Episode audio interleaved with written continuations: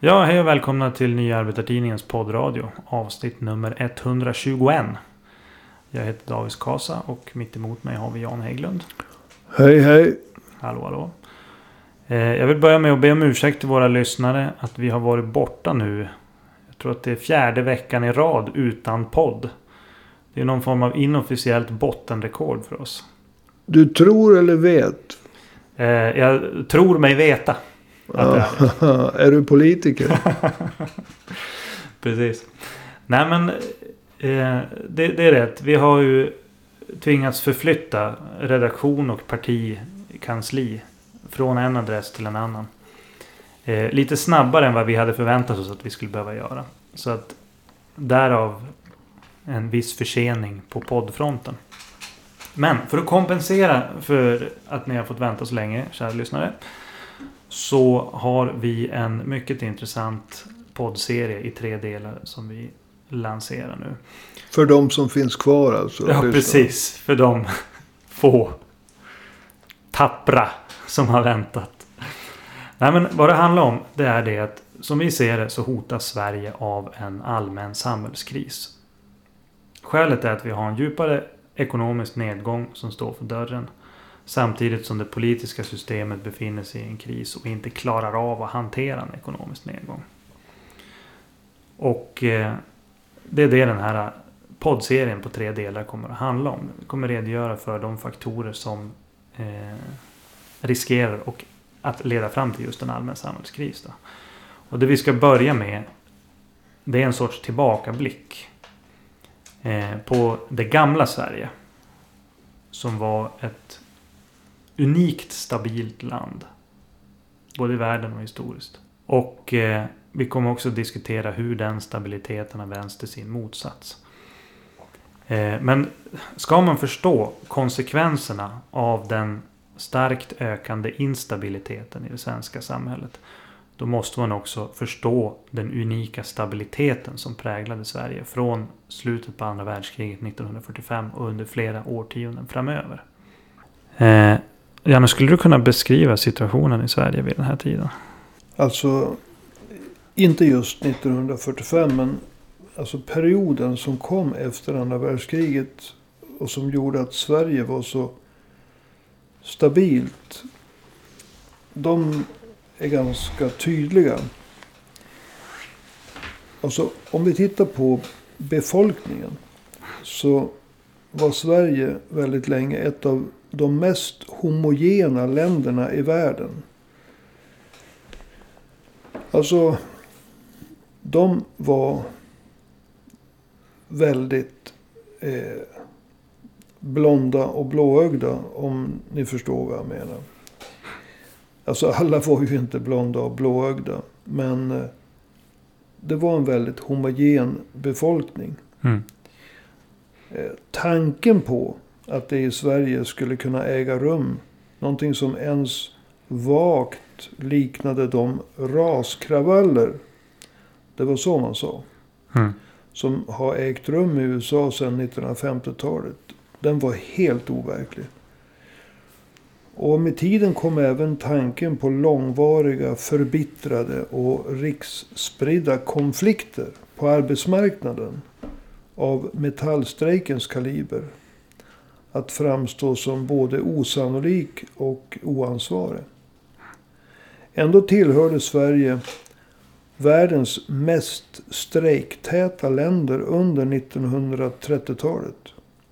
Och visst har det strejkats här, även under efterkrigstiden. Men strejkerna har aldrig inneburit någon så allvarlig utmaning mot de styrande. Både politiskt och när det gäller arbetsgivarna. På samma sätt som metallstrejken 1945. Då jobbarna försökte ta igen de stora försämringar som hade ägt rum under andra världskriget. I metallstrejken 1945 så deltog över 120 000 arbetare. Strejken varade i uppåt fem månader och kraftmätningen skedde i den kanske viktigaste delen av samhällsekonomin. Alltså Mm. industrin. Mm. Stora delar av exportindustrin. Så det slog hårt. Mm. Eh, eller kunde ha gjort om strejken inte hade avbrutits. Just det. Men vad var det som hände sen efter det strejktäta 1930-talet, efter metallstrejken 1945, som la grunden då till den unika stabiliteten som kom att prägla Sverige under så många årtionden tionden därefter? Ja, alltså den sannolikt viktigaste faktorn för stabiliteten i det svenska samhället. Det utgjordes ju av en dittills aldrig skådad positiv ekonomisk utveckling. Och den varade under flera årtionden. Mm. Europa behövde svenska produkter för sin återuppbyggnad efter krigsslutet. Det är ju en, så att säga, inte direkt kontroversiell ståndpunkt. Men det är inte heller hela sanningen. Till det ska läggas den politik som LO och Socialdemokraterna bedrev. Mm. Det här var en politik som syftade till att öka takten i den svenska, ja framförallt exportindustrins strukturomvandling och effektivisering. Och det gjorde man genom att man utformade kapitalbeskattningen och lönepolitiken på ett sådant sätt att svaga företag slogs ut. Och man kompletterade kapitalbeskattningen och lönepolitiken med en aktiv arbetsmarknadspolitik. Som enkelt kan beskrivas som att folk tvingades mer eller mindre att flytta från inland till kust och från norr till söder. Mm. Till de ställen där de stora exportindustrierna fanns och behövde folk. Det här var en, alltså ett sätt att påskynda en process som skulle ha ägt rum ändå. Men nu gick den bara mycket fortare. Mm. Det här kallades för den Rehn-Meidner-modellen. Och syftet var ju en stark tillväxt och full sysselsättning och låg inflation. Och under en relativt lång period fungerade det här väl. Företagens vinster och investeringar ökade. Och samtidigt fick knegarna höjd levnadsstandard och tryggare anställningar. Under den här perioden minskade också klassklyftorna i Sverige. Och Sverige var ett väldigt klassamhälle.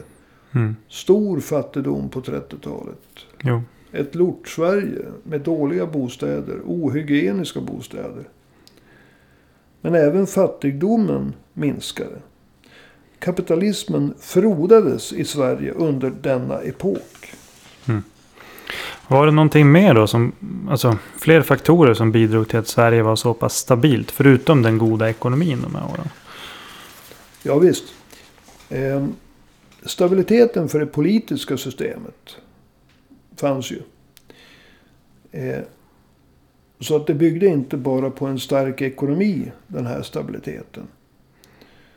Utan det fanns en väldig styrka hos landets politiska partier.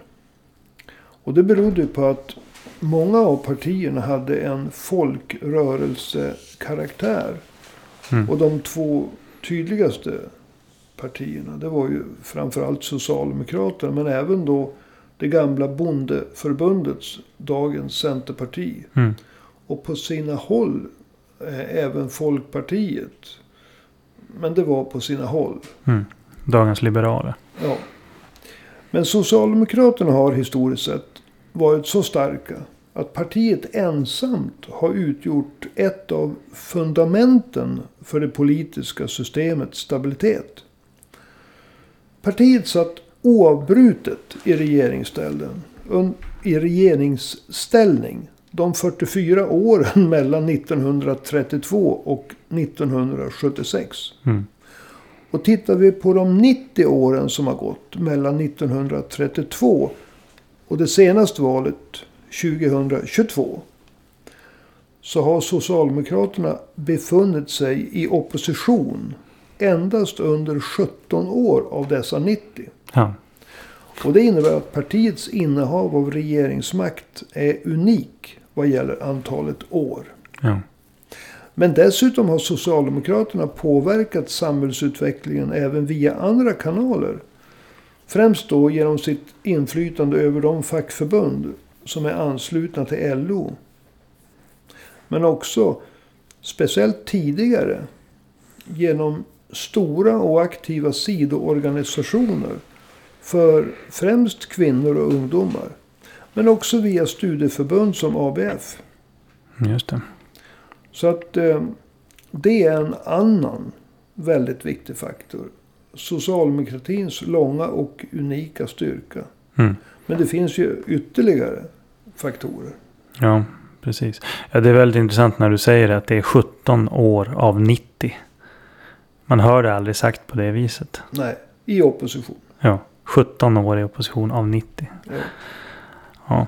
Du, vi har ju pratat om Socialdemokraterna. Vilken roll spelar övriga partier? Ja, det, det är ju en intressant fråga. Alltså, under lång tid så valdes det in få partier i riksdagen. Från valet 1940, då andra världskriget hade börjat. Och fram till valet 1985, då Pernilla Wahlgren vann Melodifestivalen med Piccadilly Circus. Och det är en väldigt lång tid. Mm. Från tyska pansarkolonner kolonner som marscherade in i Frankrike. Ja, Till Pernilla Wahlgren. Till Pernilla Wahlgren. Alltså det är en oerhörd förändring. Man Mm. tänker på de 45 åren.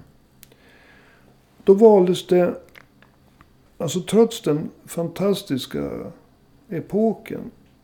Så valdes det endast in samma fem partier i riksdagen. Mm. Och det var de partier, eller föregångarna till de partier som idag har följande beteckningar. S, V, M, L och C. Mm. Sossarna, Vänsterpartiet, Moderaterna, Liberalerna och Centern. Under hela perioden efter andra världskrigets slut fram till mitten av 1990-talet så hade Socialdemokraterna tillsammans med bara ett enda av de borgerliga partierna. Det för tillfället största borgerliga partiet. Just det, för det har varierat med Ja, åren. det har ju varierat. Ensamma, alltså de två partierna. Socialdemokraterna och det största traditionella borgerliga partiet. Hade alltid mellan 60 och 70 procent av alla riksdagsröster. Bara de två. Mm. Och det här är en period på nästan ett halvt århundrade. Den omfattar 16 direktval till riksdagen mellan 1948 och 1994. Och det antyder hur enkelt det har varit att ingå blocköverskridande överenskommelser. Då det politiska systemet har ansett att det har varit nödvändigt. Exempelvis i försvarsfrågor och i nationella krislägen. Mm. Som det var till exempel i början på 90-talet med en 500-procentig ränta. Mm. Och det utgör andra inslag i det länge så unikt stabila politiska systemet i Sverige. Alltså att Socialdemokraterna och det ledande av de tre borgerliga partierna tillsammans hade mellan 60 och 70 procent av rösterna under ett halvt århundrade. Finns det någon annan faktor som du skulle vilja nämna? Tycker du, apropå räcker, stabiliteten. tycker du inte räcker med de här? Eh, Nej, alltså. Det duger ju rätt bra. Men finns det någon ytterligare som... Ja, om du smickrar mig så kan jag fortsätta att dela med mig av min visdom. Kan få en slant till bensin någon gång i framtiden. Ja, nej men det höga valdeltagandet är ytterligare en faktor. Jag vet att amerikanska sociologer när de hörde den, det svenska valdeltagandet. De, de eh, trodde nästan inte på det. Mm. Eh, det höga valdeltagandet är ytterligare en faktor som har bidragit starkt till det politiska systemets stabilitet. Det första valet till riksdagen efter andra världskrigets slut, det hölls 1948. Och då låg valdeltagandet på nästan 83 procent. I fjolårets val till riksdagen låg valdeltagandet på drygt 84 procent. Mm. Och det visar på en ganska jämn utveckling på en hög nivå. Man kan tillägga att efter krigsslutet har det hållits 23 direktval till riksdagen. Mm. Och varför jag säger direktval, det var för att vi hade en första kammare som var indirekt. Ja, just det. Och Under- det som, det som är riksdagen idag, det motsvarar den andra kammaren Ja, precis. förut. Så därför säger jag direktval. I hela 13 av dessa val har deltagandet legat på över 85 procent. Och i fyra av valen så har valdeltagandet legat på över 90 procent. Det är bara i tre val, och det var under 1950-talet, som valdeltagandet har legat strax under 80 procent. Mm. Och vid internationella jämförelser så har Sverige alltså haft ett unikt högt valdeltagande. Ja. Och det har också bidragit till det politiska systemets stabilitet och legitimitet. Och om någon undrar vad som är legitimi- legitimitet betyder så betyder det att det är folkligt accepterat. Det är Mm. inte bara lagligt. Det är också folkligt accepterat. Det Mm. finns ju vissa lagar som man, som man kan instifta. De är inte så folkligt accepterade. Mm. Men om en lag är legitim, då är den folkligt accepterad. Och det politiska systemet, det visar det höga valdeltagandet. Det var folkligt accepterat. Det var Mm. legitimt. Ja. Alltså det var ett kvitto på att det politiska systemet var alltså stabilt. Mm. Det var inga partier som ständigt vann valet genom att fuska. Det var ett lågt valdeltagande på 20 procent och någon fick 11. Mm. Nej, vinner man val efter val och valdeltagandet är så här högt. Då beror det på att man har folkets stöd. Mm. Då är det folkligt accepterat. Ja. Sen finns det ju alltid de som ständigt var i opposition. En del borgerliga partier. De gnällde ju. Men de ifrågasatte ju aldrig systemet. De Nej. ifrågasatte ju aldrig att det gick demokratiskt till. Nej. Men eh, det är ju tydligt om vi tittar på samhället idag. Att det här stabila Sverige, unikt stabila politiska systemet, det är ju ett minne blott. Eh, och det är ett helt annat Sverige idag än det Sverige som fanns efter andra världskrigets slut. Du tänker på händelserna i påskas i fjol. Ja, precis. Jag menar, för att nämna en sak. De här kravallerna. Jag menar, vi har utanförskapsområden som har vuxit fram. Vi har en, en väldigt snedfördelad arbetslöshet. Parallella Som är- samhällsstrukturer. Jo. Eh, skulle du kunna, som en avslutning på den här första delen av poddserien. Alltså, kunna redogöra för några av de avgörande händelserna som ledde till den förändring. Från det här gamla Sverige som du har beskrivit. Som jag är en del av. Var det det du tänkte säga? ja, du är ju en del av det mer än vad jag är en del av det. Jag är ju född samma år som... Eh, Pernilla, Wahlgren vann Melodislagerfestivalen med Piccadilly Circus. ja, precis. Ehm, men nej men... eh, Det ger vilka... en ganska stora perspektiv. Alltså vilket liv du har haft. Alltså. Ja, precis. Hemskt. Nej, men vilka är de avgörande händelserna som har skett under den här perioden som har liksom skapat dagens instabila situation? Alltså förutom att Pernilla Wahlgren vann Melodifestivalen 1985. Vilket inte kan fästas nog stor betydelse vid. 1984 så vann bröderna Herreys med Mina gyllene skor. Och 1983 så vann Carola Häggkvist med Främling. Det var Mm. tre väldigt eh, speciella låtar som vann då. Jo. Men trots allt så var de bara en avspegling av en förändring som skulle komma. De första verkliga grundskotten mot stabiliteten skedde lite senare. Under 1990-talet skulle jag vilja säga. Mm. Det handlar då om den djupa ekonomiska krisen under årtiondets, 90-talets första halva. Det var ju då som eh, räntan sprang upp i 500 procent. Och eh, den enda vägens politik under Carl Bildt som var statsminister och Anne Wibble som var finansminister gick i graven. Eh, det skakade om Sverige. Men någonting som skakade om Sverige ännu mer, det var de väldiga nedskärningarna. Ja, det var västvärldens hårdaste nedskärningsprogram i offentliga sektorn som skedde under 90-talets andra år, årtionde. Närmare bestämt från 1994 till 1998. Det var när Socialdemokraterna hade tagit över efter Bildt och Wibble. Och socialdemokratin har aldrig återhämtat sig. Vare sig väljarmässigt eller politiskt. Mm. Efter det stålbad som partiet utsatte samhället för under åren 94 till 98. Mm.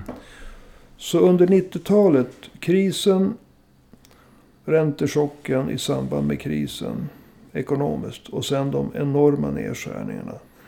Det var det första Mm. grundskottet. Och det var också ett grundskott mot socialdemokratin som vi ju har hört mig säga var en stabiliserande faktor. Mm. De andra grundskotten kom efter millennieskiftet. Och det tror jag att man tryggt kan säga att det handlar om, utan att nu rangordna, de väldiga skattesänkningarna under alliansen. Som ju naturligtvis slog undan eh, fötterna på stora delar av den offentliga sektorn. Mm. Den väldiga skattesänkningarna under alliansen. Sen den permanenta ökningen av arbetslösheten som blev resultatet av den ekonomiska recessionen under åren. Grovt sett 2007, 2008 och 2009. Mm. Som slog ut väldigt, väldigt många industrijobb i Sverige. Mm. Och för det tredje, den slutliga eh, spiken i kistan. Va? Det var den orimliga flyktingpolitiken under 2010-talet. Mm. Och jag vill att alla kommer ihåg en siffra. Under 2015, om vi tar hänsyn till att Sverige och Storbritannien har olika befolkningsstorlek. Så tog Sverige emot 33 gånger 33 gånger så många flyktingar som Storbritannien. Sett till befolkningens storlek då. Sett till befolkningens storlek. Utan att eh, tänka, är det här acceptabelt på bostadsmarknaden, Mm. på arbetsmarknaden? Och finns det någon folklig förankring för det? Mm. Eh, utan denna flyktingpolitik skulle SD inte vara Sveriges näst största parti idag. De har gått om Moderaterna i senaste valet. Mm. Och för att sammanfatta sammanfattningen. Tillbakagången för socialdemokratin och framgången för Sverigedemokraterna. Det utgör de enskilt viktigaste förändringarna i Sveriges politiska system. Och de förändringarna har bidragit väldigt starkt till dagens instabila samhälle. All right. Är det någonting mer du vill tillägga eh, innan vi rundar av? Ja, det är att socialdemokratins tillbakagång, den har ju skett inte bara när det gäller antalet väljare. Det har ju också skett när det gäller eh, partiets, alltså innehållet i partiets politik. Mm. De har inte fortsatt att förbättra arbetstryggheten. De har försämrat LAS tillsammans med Centern och Liberalerna. De har inte försökt återställa skatteinkomsterna. De har fortsatt att sänka skatterna ovanpå alliansens gjorda skattesänkningar. Socialdemokraterna har öppnat för fri hyressättning i nyproduktion av hyresrätter. Även om det blev stoppat så försökte man få igenom det Mm. på Centerns villkor. Och slutligen så bytte man helt och hållet utrikespolitik. När man öppet eh, gick från att bara samarbeta med NATO. Till att köra över sitt eget parti och ansöka om NATO-medlemskap. Mm. Socialdemokratin har helt enkelt tappat sina hjärtefrågor. Och hur ska man då kunna gå ut och säga rösta på oss? Mm. När man har en svanspolitik till de borgerliga. Mm. Ja, då hänger det ju bara på personerna i slutändan. Den senaste valrörelsen, där, försökte man ju helt enkelt, vad heter det? Det där var en signal att jag ska runda av. Mm. Då försökte man framställa Magdalena Andersson som en sorts presidentkandidat. Jo. Det fanns ju inget snack om arbetarrörelsen. Det fanns inget snack om ens nästan socialdemokratin. Var- hon har hennes simning. Liksom. Ja, Mag- Magdalena är bättre administratör än vad Ulf är. Ja. Det var det. Jag hade ju simningen. Mm. Alltså. Och hon hade ju inte gyllene skor men hon gick i en annan reklamfilm fram med röda skor. Och det var ju det Mm. enda röda som hon hade.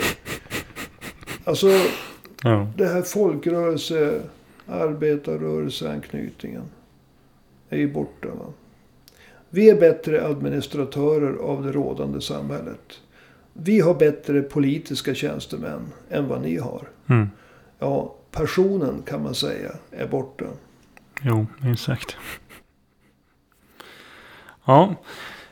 Men du, med, med de orden så, så rundar vi av dagens del. Den första. Eh, av eh, den här trepoddsserien om den politiska situationen i Sverige. Tre poddar. Tre poddar. Mhm.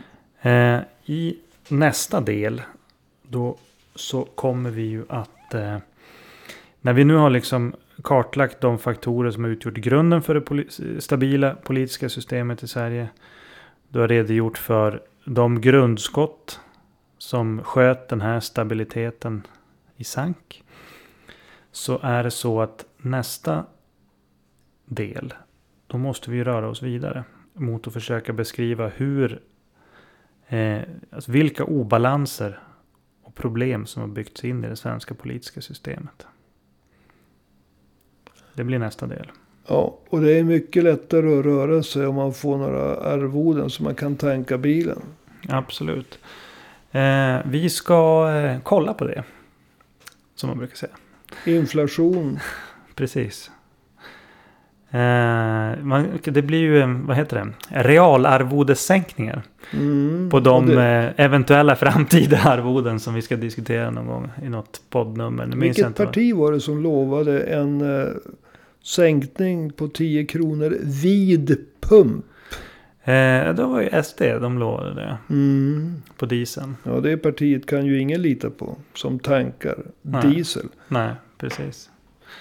Och eh, ja, ingen som eh, är med i den här podden och tankar diesel kan ju lita på arvodena från podden heller. Mm. Mm, just det. Nåväl. Eh, man kan däremot om man tycker att eh, vi gör ett bra jobb med podden swisha en eh, liten slant. Inflationen drabbar ju oss också. Vid pump och på andra sätt. Eh, så att eh, skicka en summa till 123 504 7105. Alltså 123 504 7105. Och då är det ju som vanligt att inget bidrag är för stort. Utan man kan swisha hur mycket man vill alltså. Och eh, Ska vi komma ihåg, nu minns jag vad vi lovade i förra avsnittet. Vi skulle lova att vi skulle läsa upp Swish-listan. Det ska vi göra i del två av den här serien. Eventuellt i slutet på del tre. Det är massa grejer som ringer i bakgrunden. Det är signalen för att vi ska sluta. Tack för idag Janne. Tack för idag. Vi hörs igen nästa vecka. Hej då. Yes. Hej hej.